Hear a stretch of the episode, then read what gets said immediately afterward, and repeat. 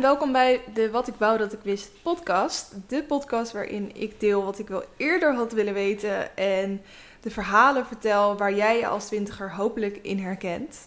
Ehm, het onderwerp vandaag is uh, veganisme of eigenlijk vegan eten. Want veganisme is natuurlijk een enorme levensstijl. En afgelopen maand heb ik uh, niet per se die levensstijl gevolgd, maar wel een maand lang vegan gegeten. Veganistisch gegeten. Uh, een van de twaalf uitdagingen die ik mezelf dit jaar opleg. Uh, en dit was dus de challenge van januari. En ik ga vandaag vertellen hoe ik deze maand heb ervaren. Of ik het helemaal heb volbracht.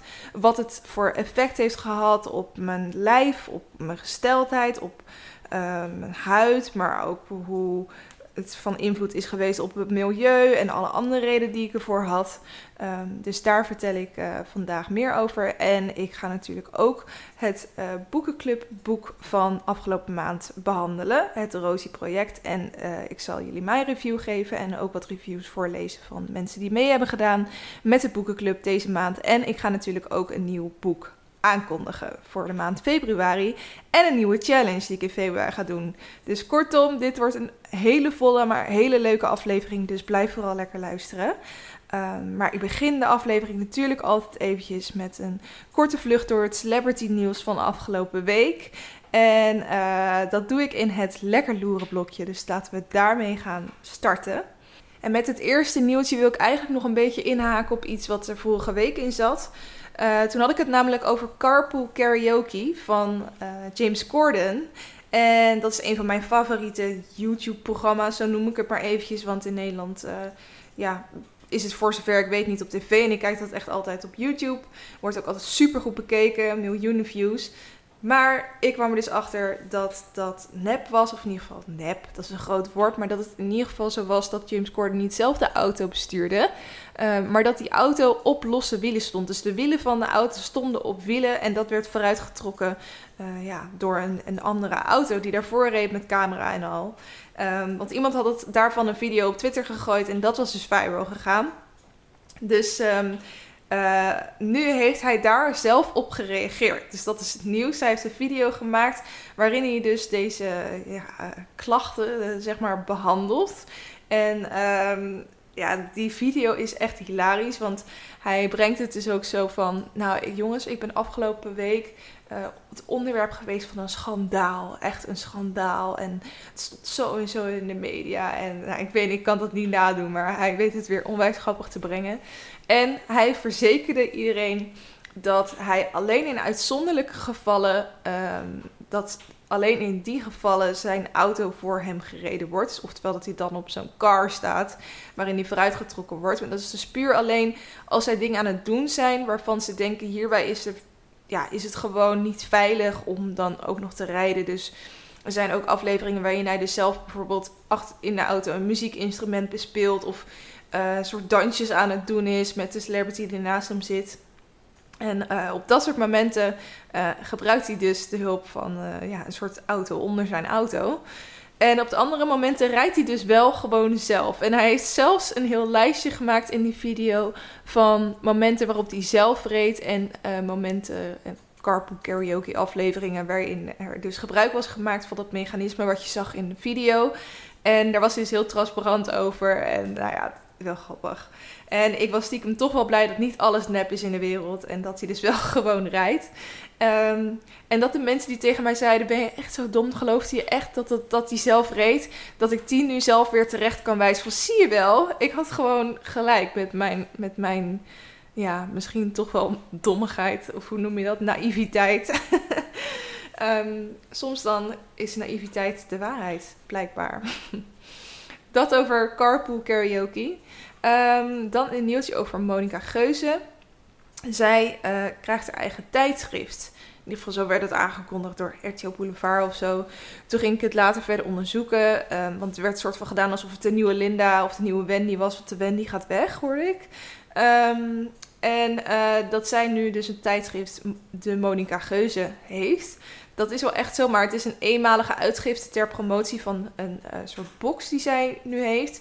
Die box is volgens mij ook eenmalig, maar het is een soort giftbox of ja, soort, ehm, zij bracht het zelf zo van, ik vind het altijd heel erg leuk om dingen te unboxen in mijn video's. En mensen vinden dat ook heel leuk om te zien. En dus ik wilde die ervaring ook geven aan anderen. En uh, nu kunnen ze een box bestellen met mijn favoriete goodies en kunnen ze die zelf uitpakken. Wat op zich wel een leuk idee is natuurlijk. En dit tijdschrift hoorde daar dan bij.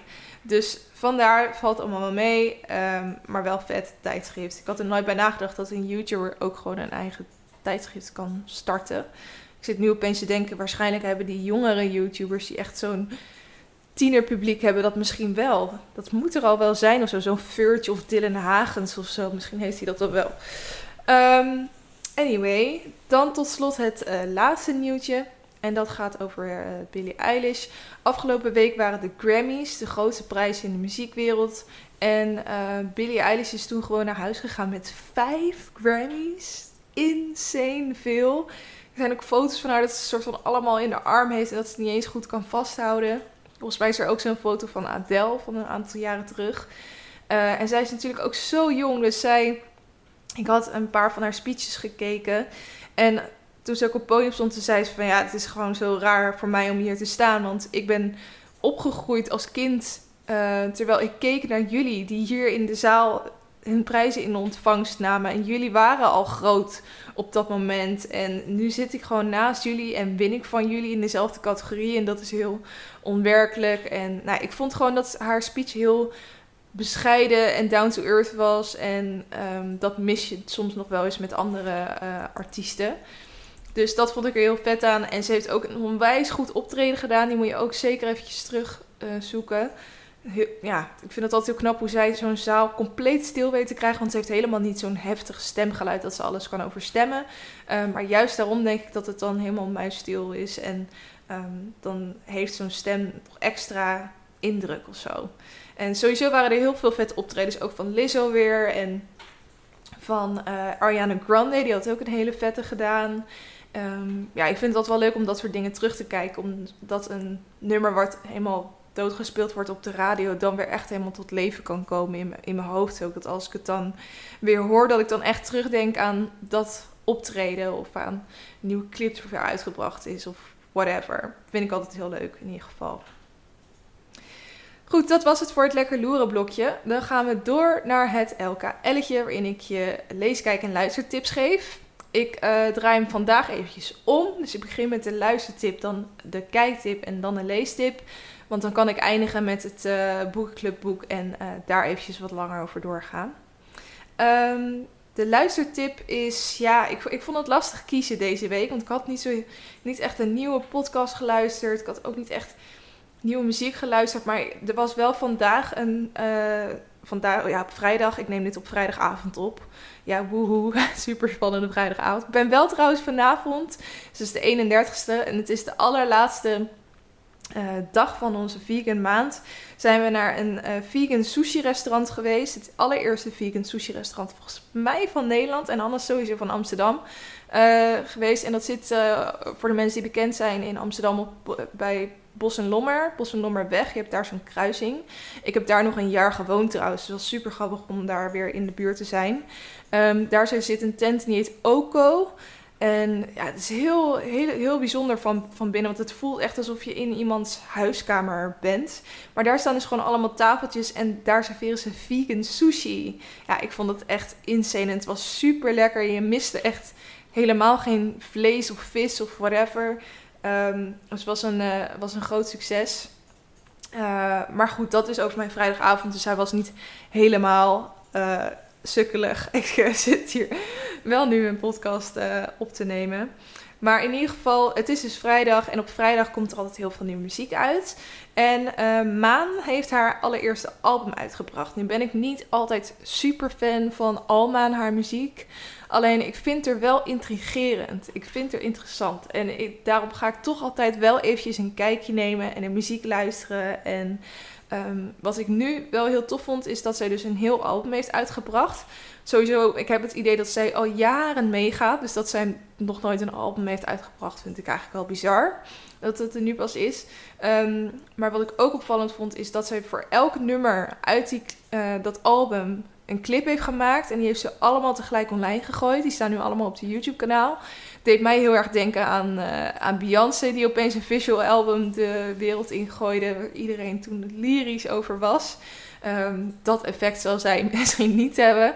Maar ze zal het vast wel een beetje afgekeken hebben. En ja, ik zei het net al, als ik beeld heb bij een nummer, dan brengt dat bij mij heel erg tot leven. Dus ik ben er altijd heel erg fan van. Dus ik snap heel goed dat ze dit heeft gedaan.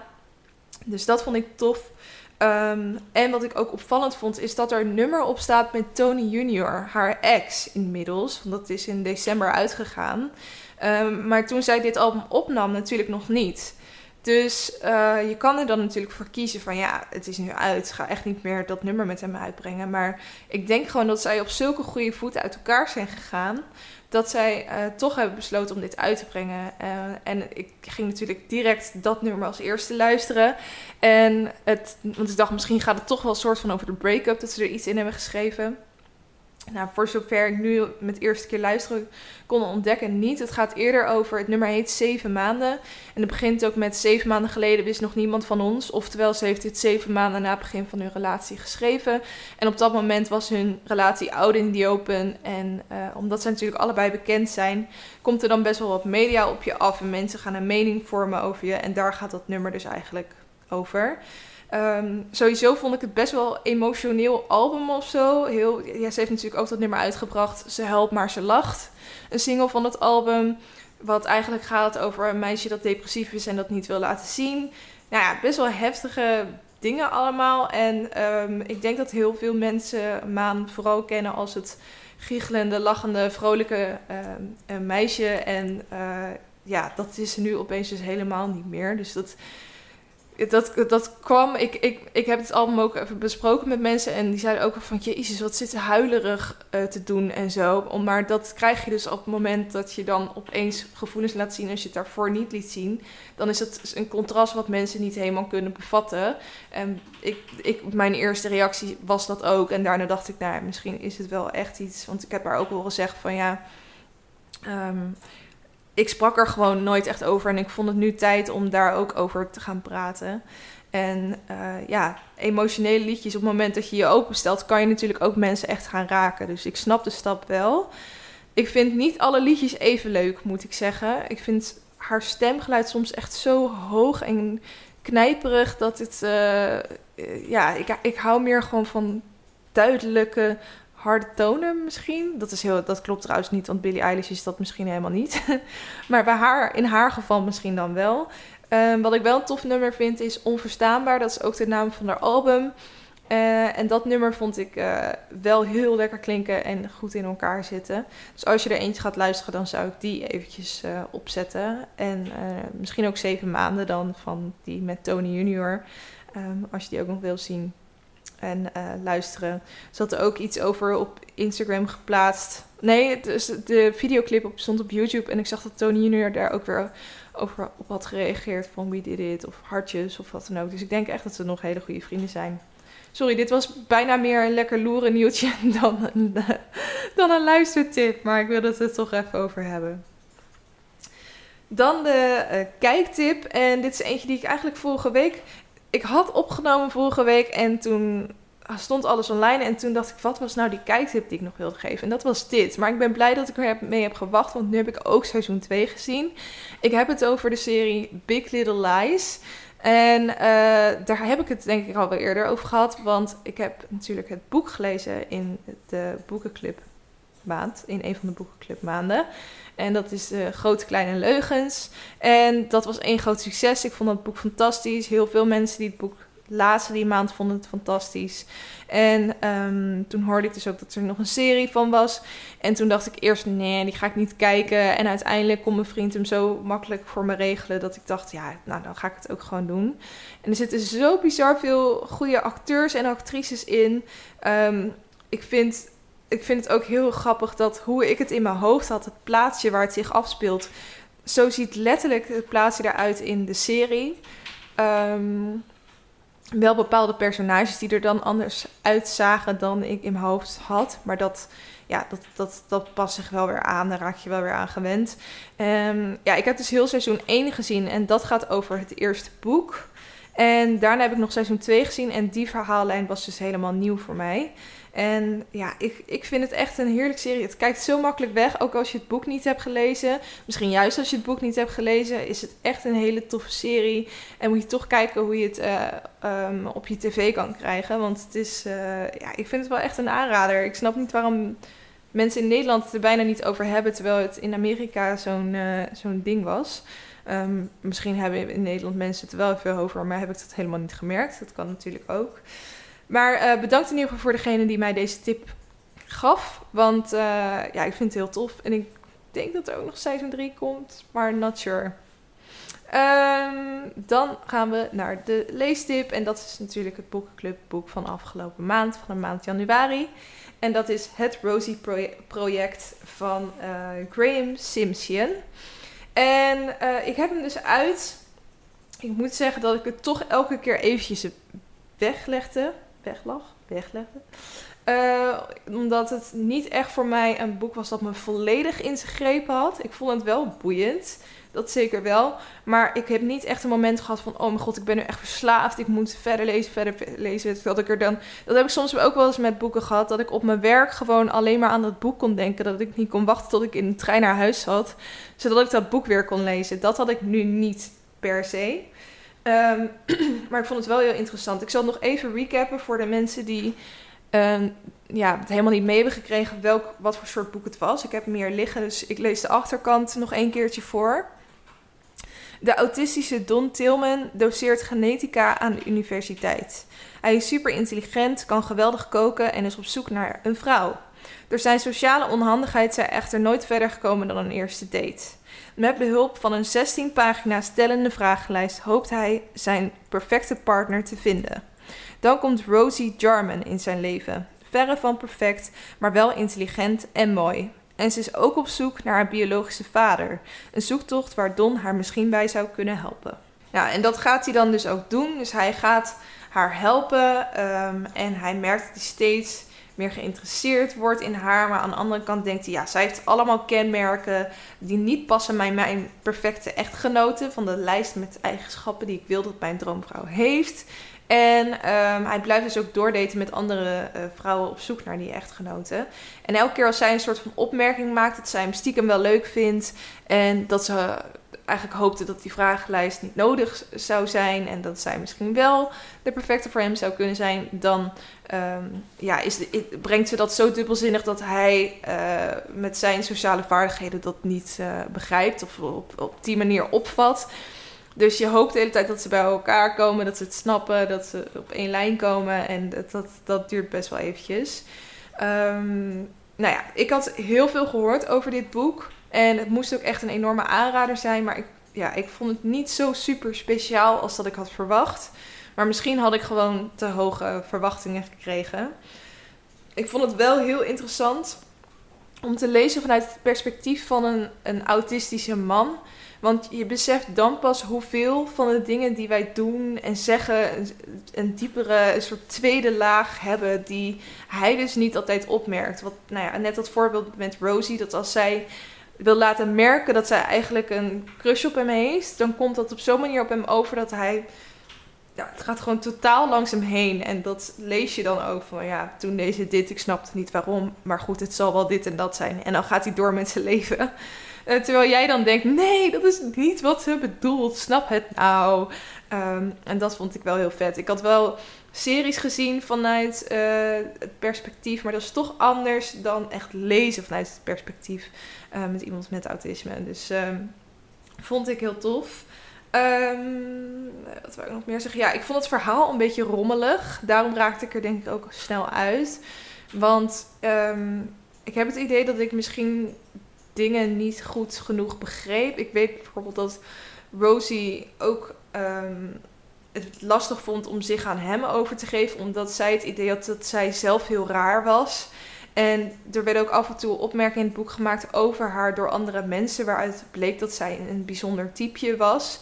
Alleen ik kon zelf niet helemaal vanuit het perspectief van Don achterhalen wat er dan precies mis, tussen aanhalingstekens, met haar was. Um, dus ja, dat, dat, dat, dat vond ik een beetje vaag. Um, Het ene moment wilde die Rosie dan wel weten wie haar vader was. Het andere moment liet ze het opeens weer helemaal los. Uh, dan was er nog een soort gekke relatie met Jean, voor de mensen die het boek hebben gelezen. Zij kende, zij leerde Don kennen via Jean, maar het was dan weer niet iemand die hoorde bij het, het, het, het echtgenotenproject. Want ze had überhaupt geen vragenlijst inge, ingestuurd. Um, maar zij was dan wel met hem op date. Of ze een soort van gaan daten. Of een soort afspraak mee gehad. En verliefd op geworden. Whatever.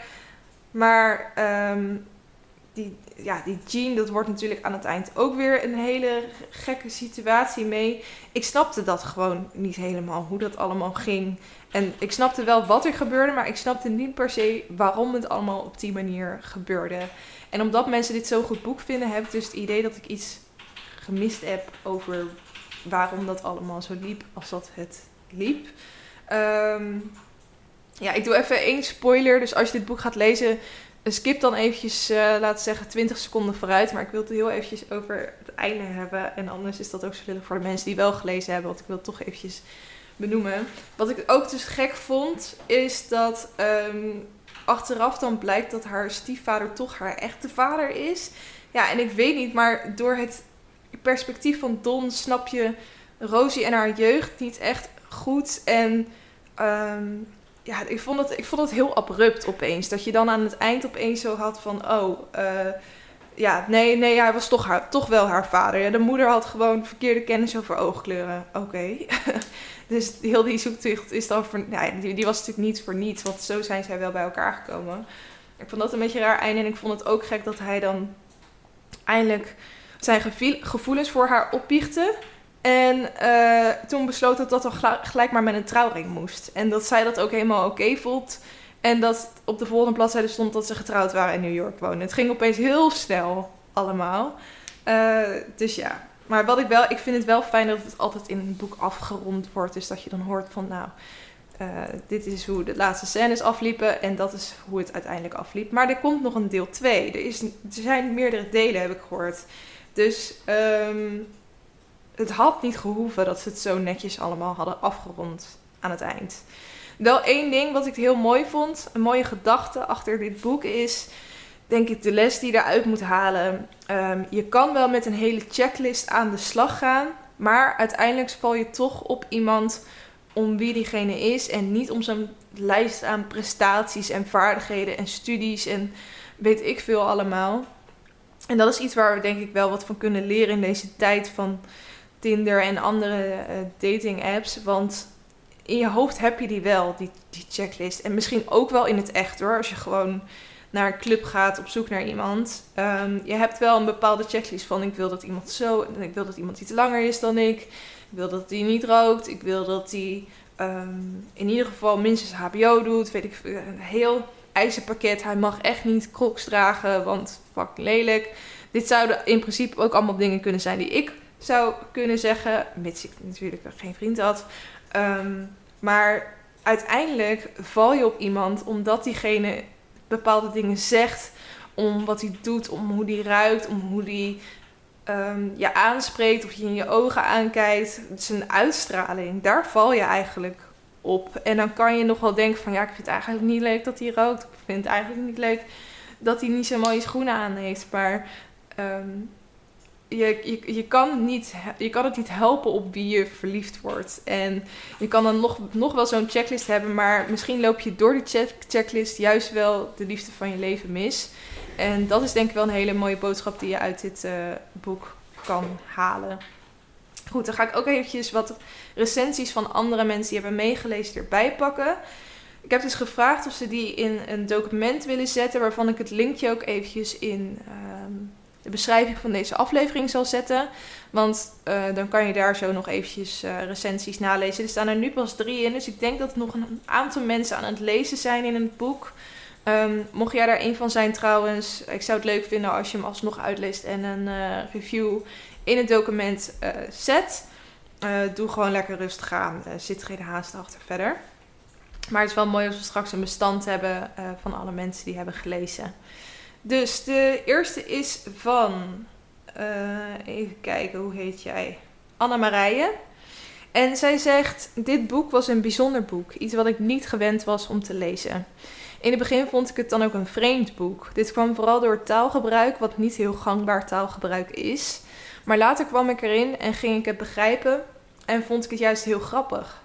Helemaal toen Rosie in het verhaal kwam en het project, tussen aanhalingstekens, het echt grote project dus, echt ging lopen, vond ik het heel leuk. Ik vond het ook erg interessant om te lezen hoe iemand als Don met het syndroom van Asperger leeft met al zijn lijsten en planningen. En dat hij echt uren nadenkt over gebeurtenissen om dat te relativeren. De schrijver geeft op die manier echt een blik in het leven van iemand met Asperger. Iets wat voor mij niet heel bekend is, maar hierdoor heb ik veel meer begrip gekregen voor de mensen die dit hebben. Ook is het boek humoristisch, waardoor ik soms echt hardop in de lach schoot. Al met al een leuk boek en ik denk zeker dat ik deel 2 ga lezen.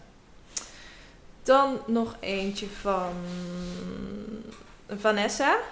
En Vanessa zegt: Dit is een boek waarbij je graag wilt blijven doorlezen. Echt een aanrader. Dit komt vooral doordat het geschreven is vanuit het perspectief van Don, een professor genetica die het syndroom van Asperger heeft. Door zijn manier van denken en handelen maakt hij vaak erg grappige situaties mee.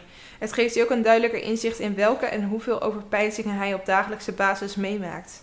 Door Rosie komt hij meer uit de schulp en zij maken samen de meest gekke avonturen mee. Hoewel ik het een erg leuk boek vond, was ik wel een beetje teleurgesteld in het laatste hoofdstuk, omdat het dan ineens heel snel gaat tussen hem en Rosie. En naar mijn idee nogal standaard eindigt. Ik ben wel erg benieuwd welke avonturen zij nog meer gaan beleven in de komende boeken. Het is zeker een aanrader. En dan tot slot die van Eva. En Eva zegt: uh, Wat een heerlijk boek is dit, echt een aanrader. Ik kon niet stoppen met lezen, helemaal niet toen Rosie in het leven van Don kwam. Don is een professor genetica en hij is op zoek naar een vrouw in zijn leven. Doordat hij Asperger heeft, pakt hij dit op een hele aparte manier aan. De opmerking van Don richting de vrouw van zijn beste vriend vond ik fantastisch. Ik moest regelmatig hardop meelachen. Ik ga zeker deel 2 en 3 lezen. Ja, de, opmerking van Don richting de vrouw van zijn beste vriend. Zij, is een beetje zijn um, helper. Uh, zij leert hem een beetje wat normale sociale interacties zijn. Of hoe hij dat aan moet pakken. En uh, dat doet ze, ja, dan komt hij natuurlijk met dingen waarvan zij denkt, huh. en dat levert inderdaad wel hele leuke gesprekken op. Nu ik dit lees, denk ik dat ik misschien zelf iets kritisch ben geweest. Dat kwam dus door de hoge verwachtingen die ik al had. Maar ik ben het hier zeker mee eens hoor. Het is echt een lekker wegleesboek. Dus hou, laat mijn mening je absoluut niet tegenhouden als je het uh, boek nog wil gaan lezen. Dus dat over het Rosie-project, het allereerste boek van 2020. Nou, dan gaan we gelijk maar door naar het boek van februari. Um, ik vroeg op Instagram aan jullie uh, welk boek in ik deze maand moest gaan lezen. En um, het leek me wel goed om weer eventjes af te stappen van de roman. En een ja, soort van leerboek, maar dan wel een boek wat lekker leest te pakken. En ik zag dat meerdere mensen hetzelfde boek of dezelfde titel hadden gestuurd, die ik dus moest gaan lezen volgens hun. En dat boek is, ik pak hem even bij, De meeste mensen deugen, een nieuwe geschiedenis van de mens, van Rutger Bregman. Hij is schrijver van de correspondent en ik ben heel erg fan van de correspondent. Ik vind dat zij hele goede artikelen schrijven. Um, ze hebben ook een podcast en uh, er worden dus ook boeken uitgebracht. En um, ik zal even voorlezen waar dit boek over gaat. De mens is een beest, zeiden de koningen. Een zondaar, zeiden de priesters. Een egoïst, zeiden de boekhouders. Al eeuwen is de westerse cultuur doordrongen van het geloof in de verdorvenheid van de mens. Maar wat als we het al die tijd mis hadden? In dit boek verweeft Rutger Bregman de jongste inzichten uit de psychologie, de economie, de biologie en de archeologie. Hij neemt ons mee op een reis door de geschiedenis en geeft nieuwe antwoorden op oude vragen. Waarom veroverde juist onze soort de aarde? Hoe verklaren we onze grootste misdaden? En zijn we diep van binnen geneigd tot het kwade of het goede? Adembenemend, wijds en revolutionair. De meeste mensen deugen herschrijft niet alleen de geschiedenis, maar werkt ook nieuw licht op onze toekomst. Nou, dan komen er allemaal mensen die het fantastisch boek vinden. Tim Hofman zegt: cynici en zwartkijkers kunnen inpakken. Oh nee, wacht. Oh nee, hij zei, dat was een quote van iemand anders. Hij zei, of je het nou eens of niet eens of oneens bent met Rutger Bregman, hij is een belangrijke stem binnen onze generatie. Fascinerend boek, lees het. Nou Tim, als jij dat zegt, dan gaan we dat gewoon doen. Ehm, ik heb al het eerste pagina's gelezen, want ik was een beetje bang dat dit te erg op Sapiens zou gaan lijken. Het boek wat ik vorig jaar heb gelezen en dat mega dik was. En echt te moeilijk vond ik dat om doorheen te komen. En dat valt bij deze echt wel mee. Ehm, hij heeft wel, zie ik nu, 528 pagina's. Maar met de challenge die ik aankomende maand ga doen, moet dat denk ik helemaal goed komen. Daar kom ik straks op. Ehm, maar ja, het, is wel weer eventjes goed, denk ik, om zo'n boek te lezen wat jou ehm, echt nadoet denken. Natuurlijk doet een roman je ook wel nadenken, maar op een heel ander vlak dan een boek als dit. En ik denk dat hij wel hele interessante gedachten en conclusies heeft. Dus uh, ik zal ook eventjes een aankooplinkje in de uh, beschrijving van deze aflevering zetten. En dan uh, kan je ook lekker mee gaan lezen. Dus dat. Oké, dan gaan we nu door naar het hoofdonderwerp veganisme, vegan life, vegan eten, whatever je het wil noemen. Ik kwam erachter dat er dus heel veel mensen zijn die in januari ja, vegan uh, zijn of, of vegan proberen te eten. En dan noemen ze het Veganuary. Ja, heel mooi. Dus ik ben ook lid geworden van wat groepen. In het Nederlands kon ik weinig vinden, maar het was een internationale Veganuary groep. En dat was best wel leuk. Daar had ik best wel veel steun uitgehaald, leuke recepten uitgehaald. En gewoon over, overal heb je het idee dat je het niet alleen doet. Want in, voor de rest kende ik behalve mijn vriend dus niemand die het deze maand aan het doen was. En dan uh, heb ik toch wel een soort support system, wat ik wel leuk vond. Dus um, dat eventjes uh, terzijde. Maar goed, ik, ik begin even bij het begin. Waarom wilde ik nou een maand vegan gaan eten? Ik had eigenlijk drie verschillende redenen. Het eerste was dat ik mezelf eigenlijk een beetje hypocriet vond. Uh, want ik ben echt de allergrootste dierenvriend ever. Ik vind het gewoon zielig als er een spin gedood wordt, zeg maar. En ondertussen had ik dan wel elke avond een stukje vlees op mijn bord, wat ik gewoon weg zat te eten. En tuurlijk wist ik dat dat van dieren afkwam. Maar ik besloot gewoon zelf om het een beetje te negeren. En um, ja, dat vond ik een beetje raar van mezelf worden. Dat kan je tot op zekere hoogte volhouden. Maar um, eigenlijk is het natuurlijk gek. Um, ten tweede, ik leer echt met de dag steeds meer over de invloed van dierlijke producten op ons milieu. En um, de impact daarvan op van alles wat met verslechtering van het milieu te maken heeft. En uh, toen ik dat al steeds meer begon te beseffen, toen dacht ik ook wel, ja, dit is ook wel. Um, dit is eigenlijk best wel een makkelijke stap die je kan doen om uh, daar heel erg veel aan mee te helpen. Om die steentje bij te dragen aan het milieu. Dus dat was mijn tweede reden. En mijn derde reden was gewoon omdat ik wilde weten of ik het zou kunnen, uh, wat dat met me zou doen.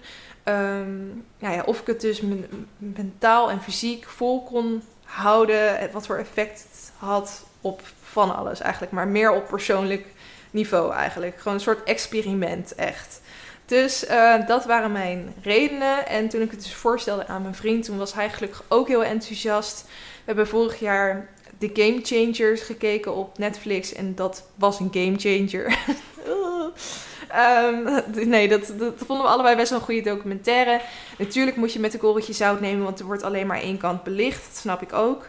Maar um, desondanks zitten er zeker waarheden in. En uh, waren vooral gewoon heel erg benieuwd wat het met ons zou doen.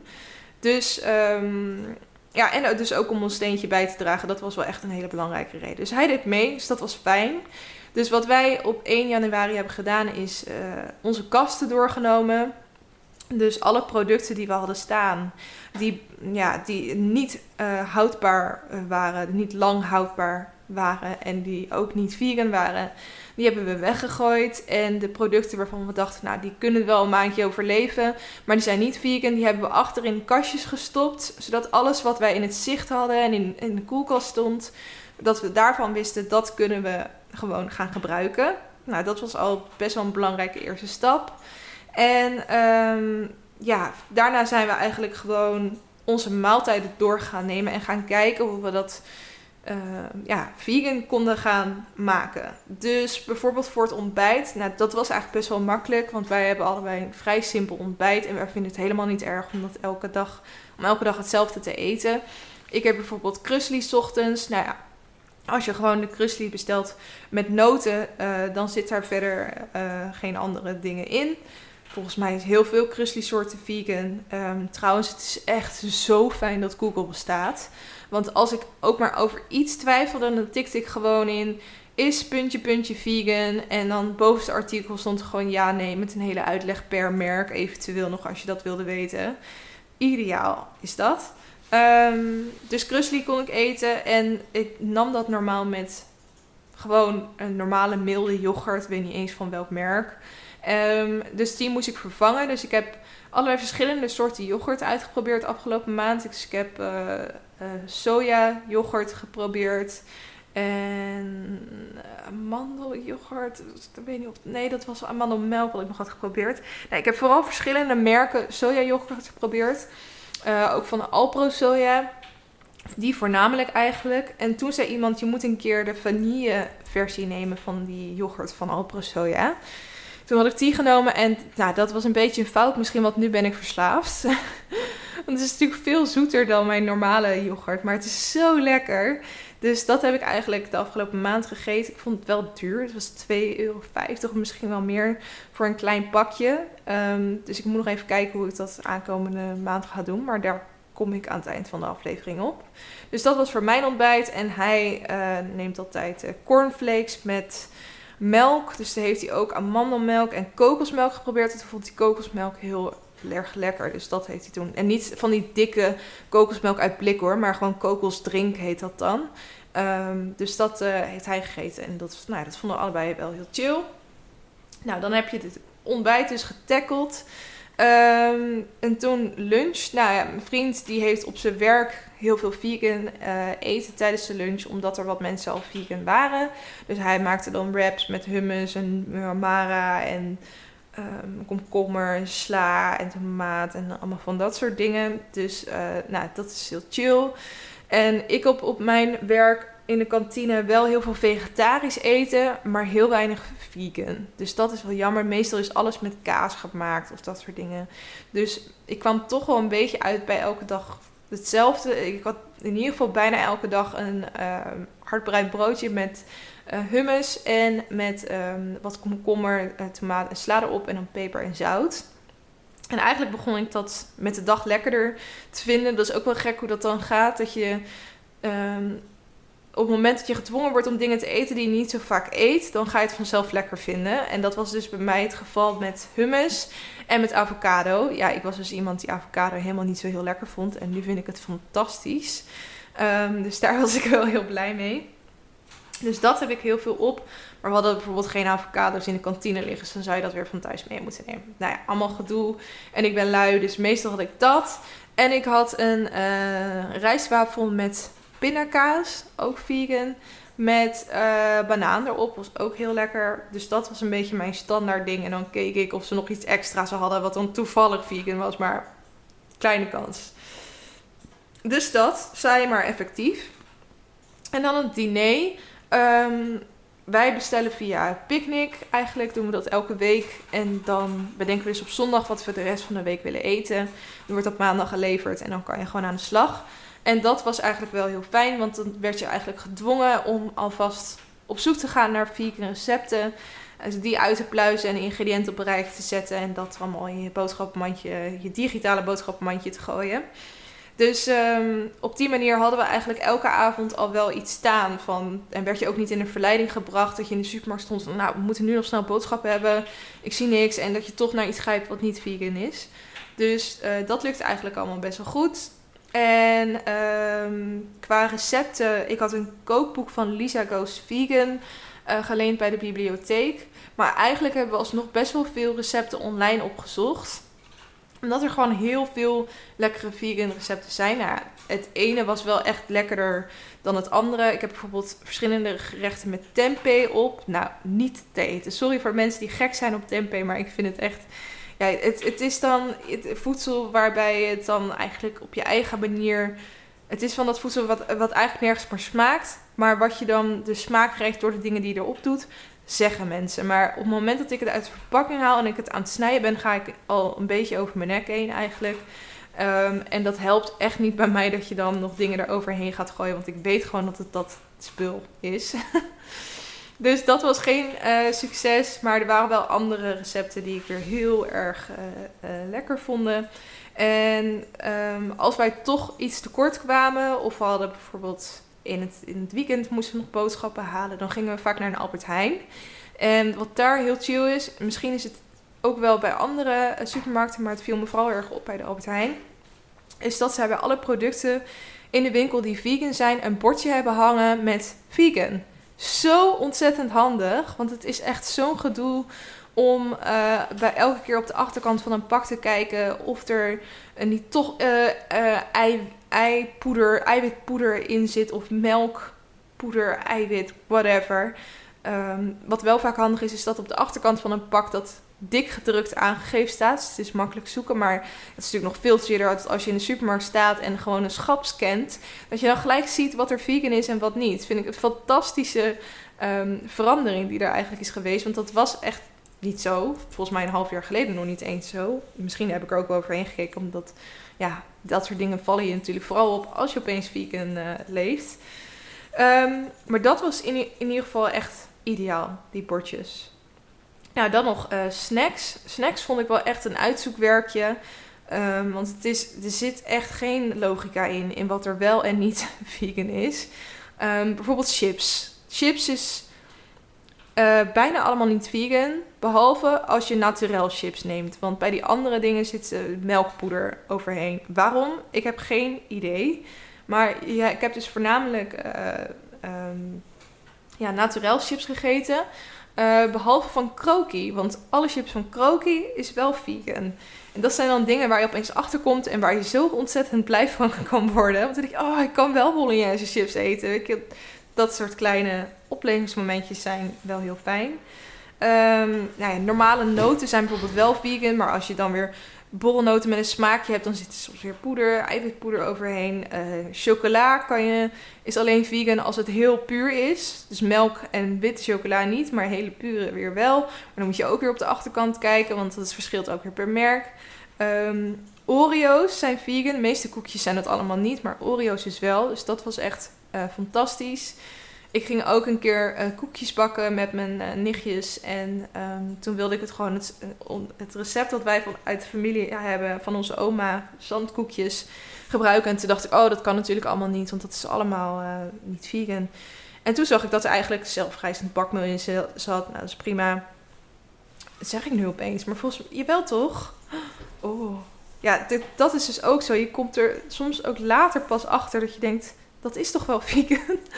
en dus ja, het zou ook kunnen dat ik nu in deze aflevering dingen zeg waarvan je denkt, oh, je bent er toch een foutje begaan, want ik ben ook maar menselijk en ik heb sowieso fouten gemaakt de afgelopen maand.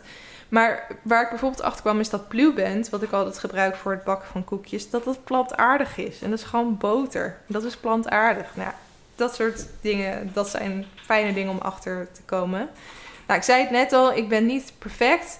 Dus het is niet helemaal goed gegaan de afgelopen maand. Want um, er is één dag dat we echt besloten hebben om te cheaten. En dat was de dag van een nieuwjaarsborrel. Dat heb ik jaarlijks met vriendinnen. En um, dan maakt iedereen hapjes. En ik had zelf wel een enorme pan vegan paella gemaakt. En uh, daar heb ik veel van genomen. Maar ik vond het ook gewoon lullig om niet met andere dingen mee te eten. Terwijl iedereen zo zijn best had gedaan. Dus ik heb wel af en toe uh, een paar dingetjes gepakt. En uiteindelijk kwam iemand met cheesecake tevoorschijn. En dat is echt mijn zwakte. En toen dacht ik, ja, nou, ik, ik, ik voel me ook gewoon lullig als ik hier überhaupt niet aan meedoe. Dus dat heb ik toen wel genomen. En ja, mijn vriend is toen helemaal voor gegaan. Volgens mij heeft het alles gepakt wat er lag. Um, dus dat was het enige wat we echt bewust gecheat hebben. En verder waren het gewoon stomme vergissingen in dingetjes. Bijvoorbeeld, um, ik had gelezen dat speculoos vegan was. Dus ik had dat gekocht. Maar ik dacht, ja, uh, ik, kon, kon kiezen uit twee dingen. Uit die, um, ja, het, het, speculoos merk, zeg maar.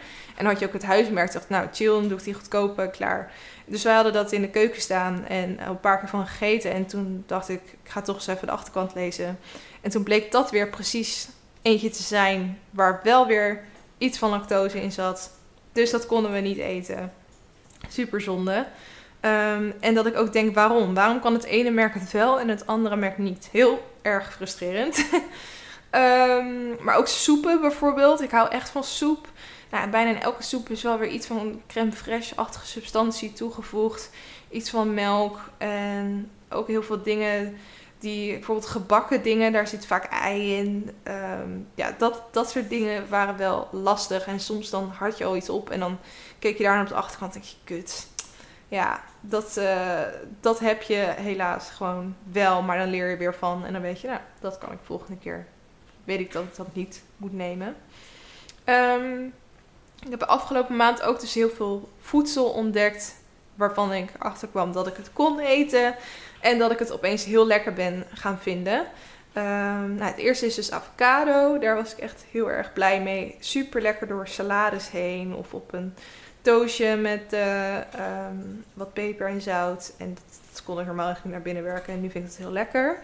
Ben Jerry's heeft ook mega veel. Nou, mega veel. Um, best wel er bestaan best wel wat uh, vegan ijsmaken van Ben Jerry's. Er stond er bij ons volgens mij niet zo heel veel in schap, maar ik weet dat er best wel wat zijn.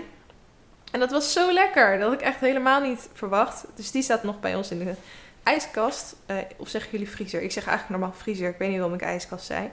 Dus die kan ik nog eten. En dan heb ik ook heel veel Oreo's gegeten. En dan voornamelijk de kokosversie. Die is fantastisch. Als, ik wist niet eens dat dat bestond. Maar ik stond natuurlijk uitgebreid bij het Oreo's uh, schap te kijken. En toen kwam ik erachter. Die zijn heel lekker.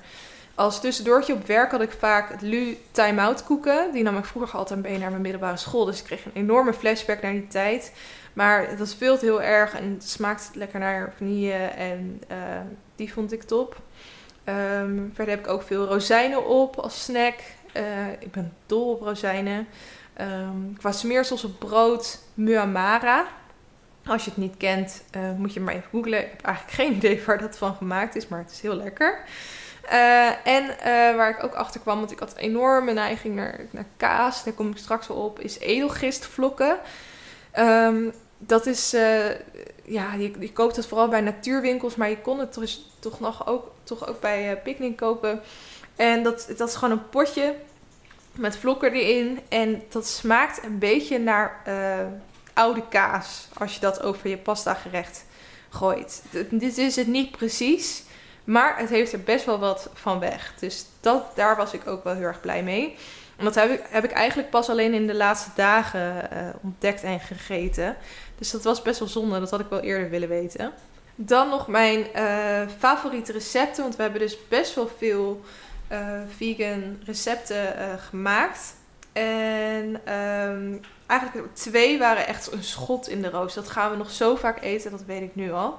Het eerste is uh, het recept chili sin carne van de Groene Meisjes. Als je dat kan googlen, heb je hem direct. En dat was mega lekker. Ik weet niet hoe gezond het is, want het voelt eigenlijk alsof je gewoon een bak nachos, maar dan met rijst, ernaast uh, aan het wegwerken bent. Maar het was super lekker. En het andere recept, wat echt mijn favoriet is, is um, de vegan lasagne van de website Voedzaam en Snel. Was ik volgens mij nog nooit geweest op die website. Maar uh, dat recept is ook super lekker. En het grappige is dat je dan. Je hebt toch die wit, witkleurige saus die je er dan overheen doet. Um, die maak je dan van cashewnoten en water en peper en zout. En dat doe je in een keukenmachine en dat vermaal je allemaal met elkaar. En dat is dan die saus. Dus die doe je ertussen allemaal en die doe je ook een beetje eroverheen. En uh, dat smaakte zo lekker. Dat is echt. Ja, het deed me ook een beetje denken aan. Um, we waren op een gegeven moment naar een vegan markt geweest in de Hoxton in Amsterdam. En daar was ook een uh, stand van uh, mensen die dus kaassaus, vegan kaassaus verkochten. En daar hadden we ook een uh, potje van gekocht en over pasta in gedaan. Dat was ook heel lekker. Dat smaakte daar ook een beetje naar. Dus wel grappig. Je kan van noten dus best wel heel goed kaas maken. Of in ieder geval een bijna uh, lookalike. En dat kan je dus ook gewoon zelf thuis maken. En dat is echt een stuk goedkoper, kan ik je vertellen. Dus um, die twee recepten zijn mijn favoriet. Dus als jij een avondje vegan wil eten, of je hebt mensen over de vloer die dat zijn, dan zou ik die eventjes opzoeken, want daar maak je mensen denk ik echt heel blij mee. Um, dan nog favoriete afhaal, want in Amsterdam heb je gelukkig heel veel keus als het aankomt op uh, vegan eten. Um, dus zelfs een ik weet niet of je dit weet, maar de thuisbezorgd app, veel gebruikte app bij ons thuis, dan uh, kan je natuurlijk kiezen voor Italiaans of uh, Thais of whatever. Als je dan een heel stuk verder scrolt, dan heb je ook een optie met vegan. En dan zie je dan dus alle, alle restaurants bij jou in de buurt die veganistisch eten aanbieden. Super handig. Dus we hebben, uh, ik heb twee keer een vegan pizza besteld. Ik moet zeggen dat dat een beetje tegen vond vallen. Waren niet fantastische pizza's, of in ieder geval, het waren prima pizza's. Alleen ze hebben dan een kaas erop gedaan, nepkaas. En um, op het moment dat ik daar een hap van nam, dan verspreidde die kaas zich in mijn mond en bleef echt in elke hoek plakken. En ik weet niet waarom. Het, zal wel iets met die substantie te maken hebben, maar het, het, ik voelde het in mijn mond en ik dacht, dit is niet wat normale kaas doet. En daardoor ja, vond ik het eigenlijk al niet lekker meer. Dus dan, ja, dan zou ik het denk ik liever gewoon niet hebben. Maar ja, pizza zonder kaas is toch ook weer zo wat. Dus die vond ik iets minder geslaagd. Ehm, maar dat kon dus wel gewoon. Vond ik al heel opvallend. Uh, volgens mij zelfs gewoon bij de Domino's nu. Um, dan, ja, het, wat eigenlijk ons favoriet was, was Vegan Junk Food Bar. Dat is natuurlijk fantastisch. Zij hebben echt alles. En um, de kapsalon is voornamelijk heel bekend van hun. En die heeft mijn vriend twee keer genomen. En daar is hij helemaal fan van. En uh, ja, dat is echt zijn favoriet. Ik had een kipburger. Ik heb daar een normale burger gehad en een keer een kipburger. En die kipburger vond ik vooral heel lekker. Zag er ook heel vet uit. Want ze hebben dus, uh, het zit gewoon op een, op een broodje. En de, de, bovenkant van het broodje is blauw. En de onderkant van het broodje is roze. En daartussen zit dus een nep kipburger. En allemaal andere lekkere dingen en een sausje. En top. En ook een soort nep um, cheddar cheese. En die vond ik wel heel goed gelukt. Dus ja, dat kan je gewoon het beste doen. Uh, het daar zo halen, want zij zijn er echt in gespecialiseerd. Dus dat eigenlijk. Um, ja, wat heb ik nou echt het meest gemist afgelopen maand? Ik denk ten eerste cappuccino, want ik dronk elke dag cappuccino op mijn werk. Um, maar ja, dan haal je het uit een machine en daar zit normale melk in. Kan je niet opeens zelf uh, havermelk in gaan gieten of zo. En ik heb nog wel een aantal keer uh, cappuccino gehaald met uh, havermelk of met sojamelk, amandelmelk. Bij gewoon een, tentje. Maar dat was heel duur en ik vond het niet per se heel lekker. Um, ik vind amandelmelk en sojamelk echt nergens naar smaken als het opgewarmd is in een cappuccino. En uh, havermelk nog wel oké. Uh, van Oatly Barista is heel goed. Als ik zie dat ze dat daar dat ergens hebben, dan, dan neem ik dat. Maar ja, het is toch niet hetzelfde. En ik heb dat wel echt gemist, moet ik zeggen. Um, ik heb het ook een keer zelf geprobeerd thuis te maken. Maar nee, dat, daar zou ik, zou ik wel weer terug naar gaan, denk ik. Um, ja, en verder dus kaas. Ik heb echt heel erg mijn kaas gemist. Um, parmezaanse kaas over pasta.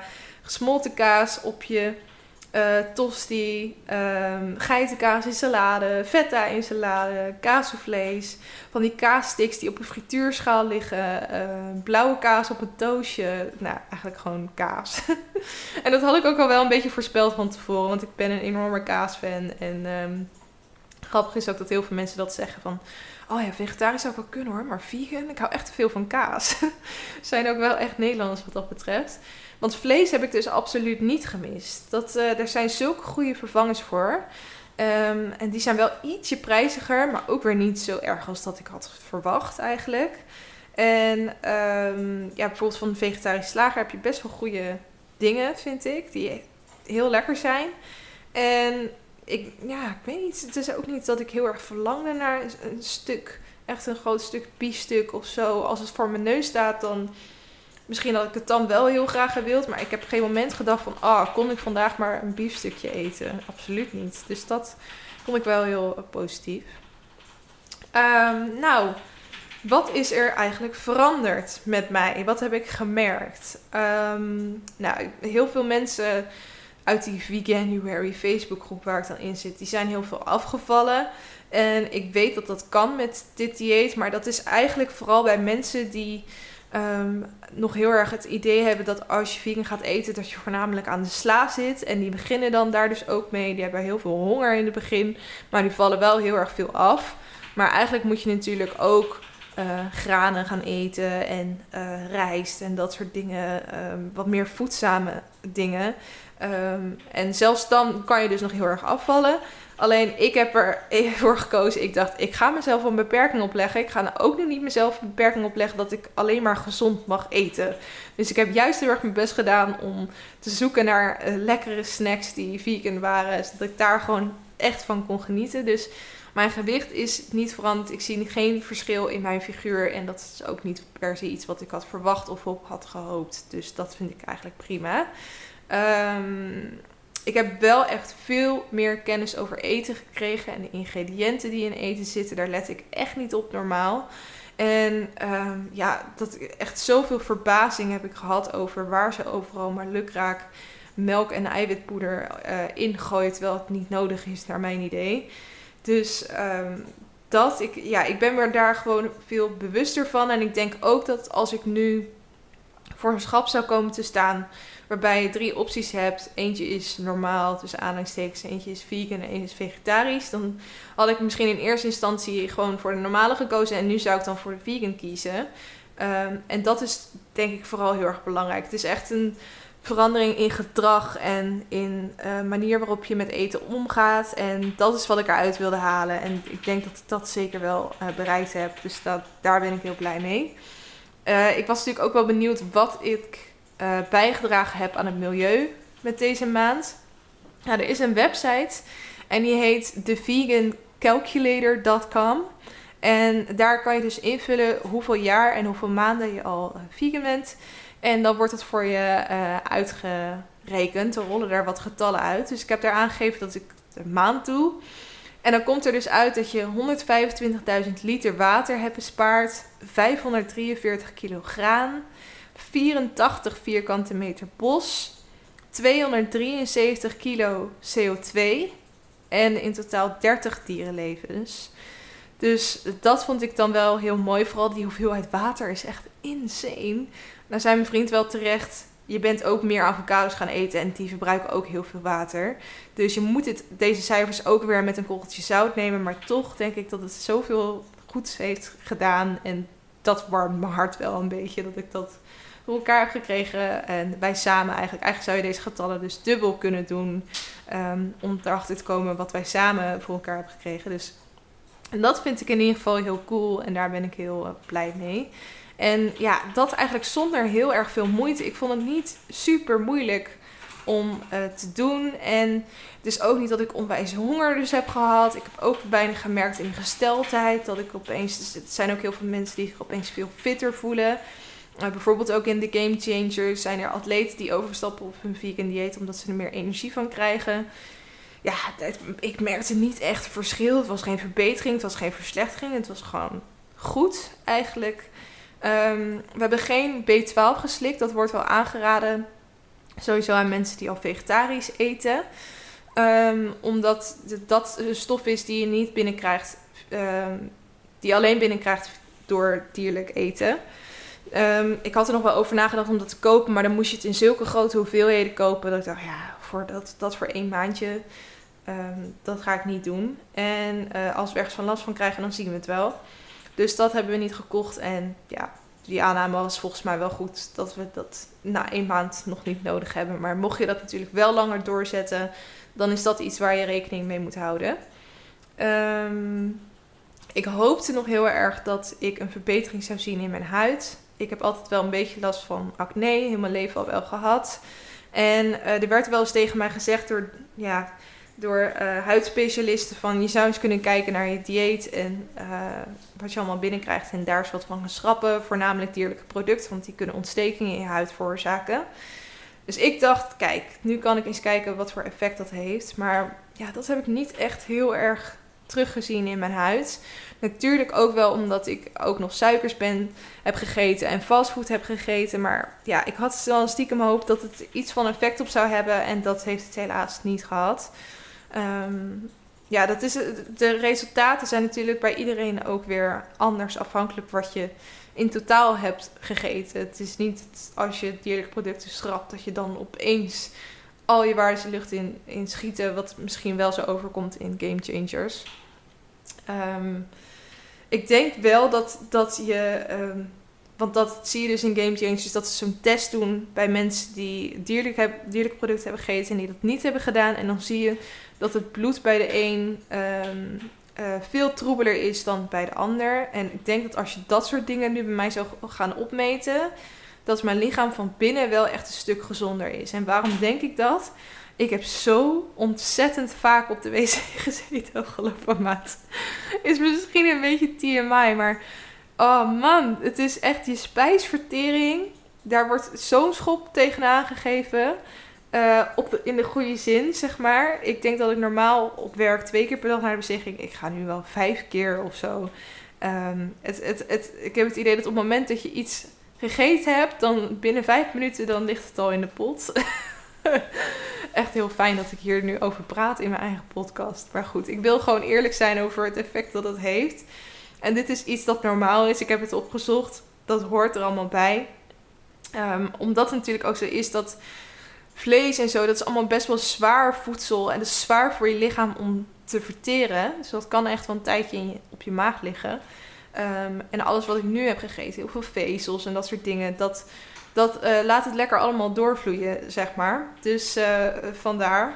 Eh, is niet altijd even fijn, moet ik zeggen, om naar de wc te moeten rennen op sommige momenten. Ehm, maar ja, dat, ik heb wel het idee daardoor dat het, omdat het dus helemaal zo lekker goed door het soort van klisma voor mijn lichaam is geweest, dat het nu heel goed eh, eruit ziet van binnen allemaal. Dus ja, ik zou dan echt voor het, voor het echte werk een enorme test van tevoren ik het al moeten laten doen en aan het eind. Maar goed, als je dat echt wil, dan zijn er genoeg documentaires en video's eh, eh, van te vinden. Dat heb ik niet gedaan, maar als ik gewoon luister naar mijn eigen lichaam, dan weet ik dat wel. Dus dat. ehm, en wat nu? Ehm, ik heb hierover nagedacht van wat wil ik nu? Ik ben nu een maand vegan geweest. Wil ik dat doorzetten? Ehm, ja, ik heb wel dus heel erg gemerkt dat ik kaas onwijs mis. Dat ik er echt niet zonder kan. En dat ik dat gewoon eh, ja, een stukje geluk mis eigenlijk. Dus dat zou ik heel graag weer terug willen brengen. Maar vlees, dat ga ik wel gewoon zoveel mogelijk uit de weg. Want ik heb het echt niet gemist. En ehm, zeker als er, als er gewoon de optie is. En dat is er in heel veel gevallen. eh, zeker in de omgeving Amsterdam wel. Ook als je uit eten gaat, maar ook in de supermarkten. Op het moment dat er een, alternatief voor is, waarom zou ik dat dan niet doen? Als ik nu in een maand heb gemerkt dat ik het eigenlijk vlees zo weinig mis. Tuurlijk zal ik af en toe nog wel ergens een biefstukje nemen of wat dan ook. Maar ik denk toch ook met een naarder gevoel. Ik denk niet op, dat ik op dezelfde manier meer naar vlees zou kunnen kijken als ik hiervoor heb gedaan. En dat lijkt me alleen maar een goed iets. Ehm, ja, melk en yoghurt vind ik lastig. Ik vind die Alpro soja vanille dus echt super lekker. Ehm, maar best wel duur. Dus daar moet ik eventjes naar kijken. En ja, in cappuccino wil ik wel weer normale melk gaan drinken. Maar misschien alleen wat mindere. Ik wil in ieder geval wat meer bewustere keuzes gaan maken. Ehm, ik vroeg ook nog aan mijn vriend wat hij ervan vond. Van de afgelopen maand. Wat zijn conclusie nou eigenlijk was. En hij zei van ja, ik vond het eigenlijk veel makkelijker dan gedacht. Je hebt gewoon best wel veel ehm, goede alternatieven. En hij had niks echt gemist. Ja, mis dat je dan eh, iemand iets eet dat je denkt, oh, daar had ik ook wel zin in gehad. Maar niet iets dat dan dagenlang in je hoofd blijft zitten. Hij vond het ook minder duur dan gedacht. Ik denk dat het ook is omdat we veel recepten hebben gemaakt waar je niet per se een vleesvervanger nodig hebt. Maar dat je het bijvoorbeeld oplost met linzen of wat dan ook. Ook heel veel linzen gegeten. Best wel goed te doen. Dus eh, dat. Ehm, ja, en, en supermarkten maken je dus best wel makkelijk tegenwoordig met van die bordjes.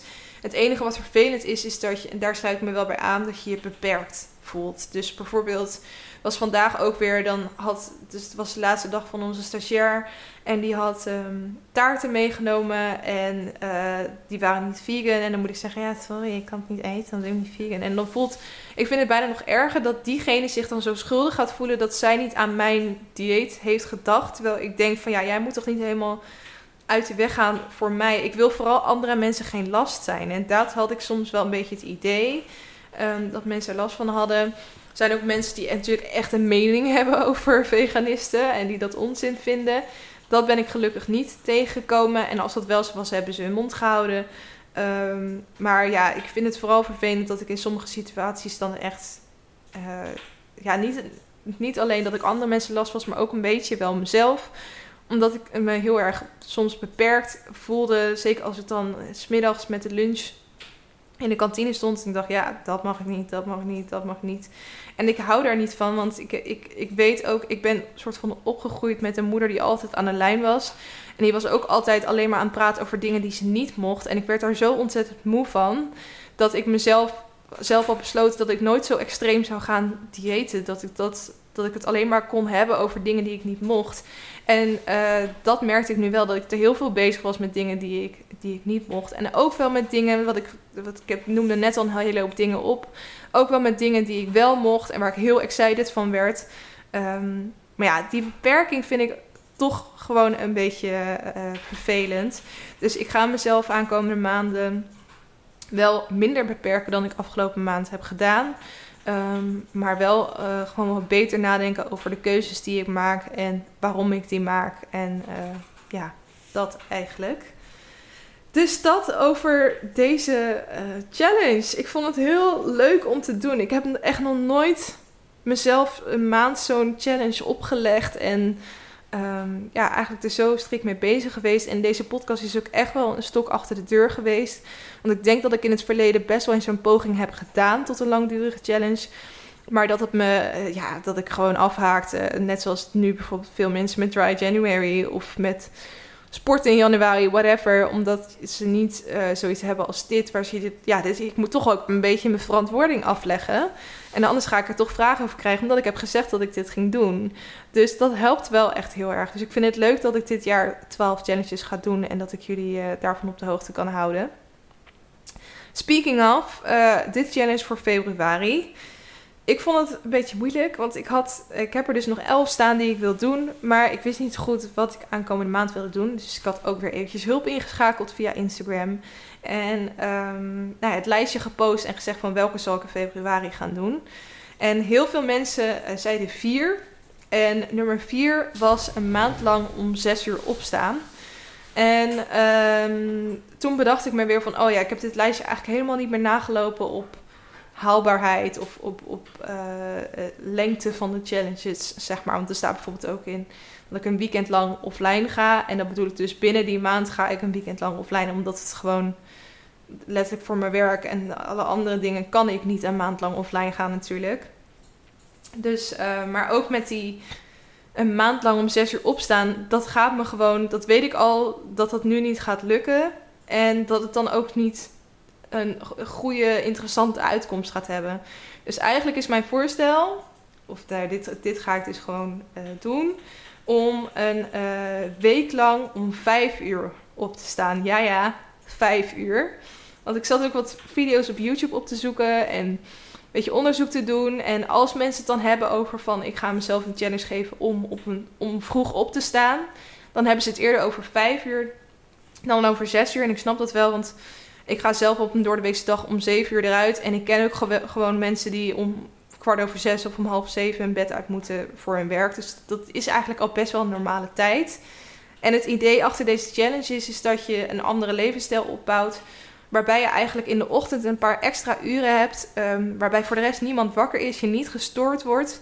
Je dus volledig geconcentreerd aan het werk kan. En je eigenlijk een soort jumpstart op de rest hebt. En um, daar ben ik heel erg benieuwd naar. Hoe ik die uren voordat de rest van de wereld wakker wordt ga indelen. En wat ik daar zo ja, op de lange termijn aan ga hebben.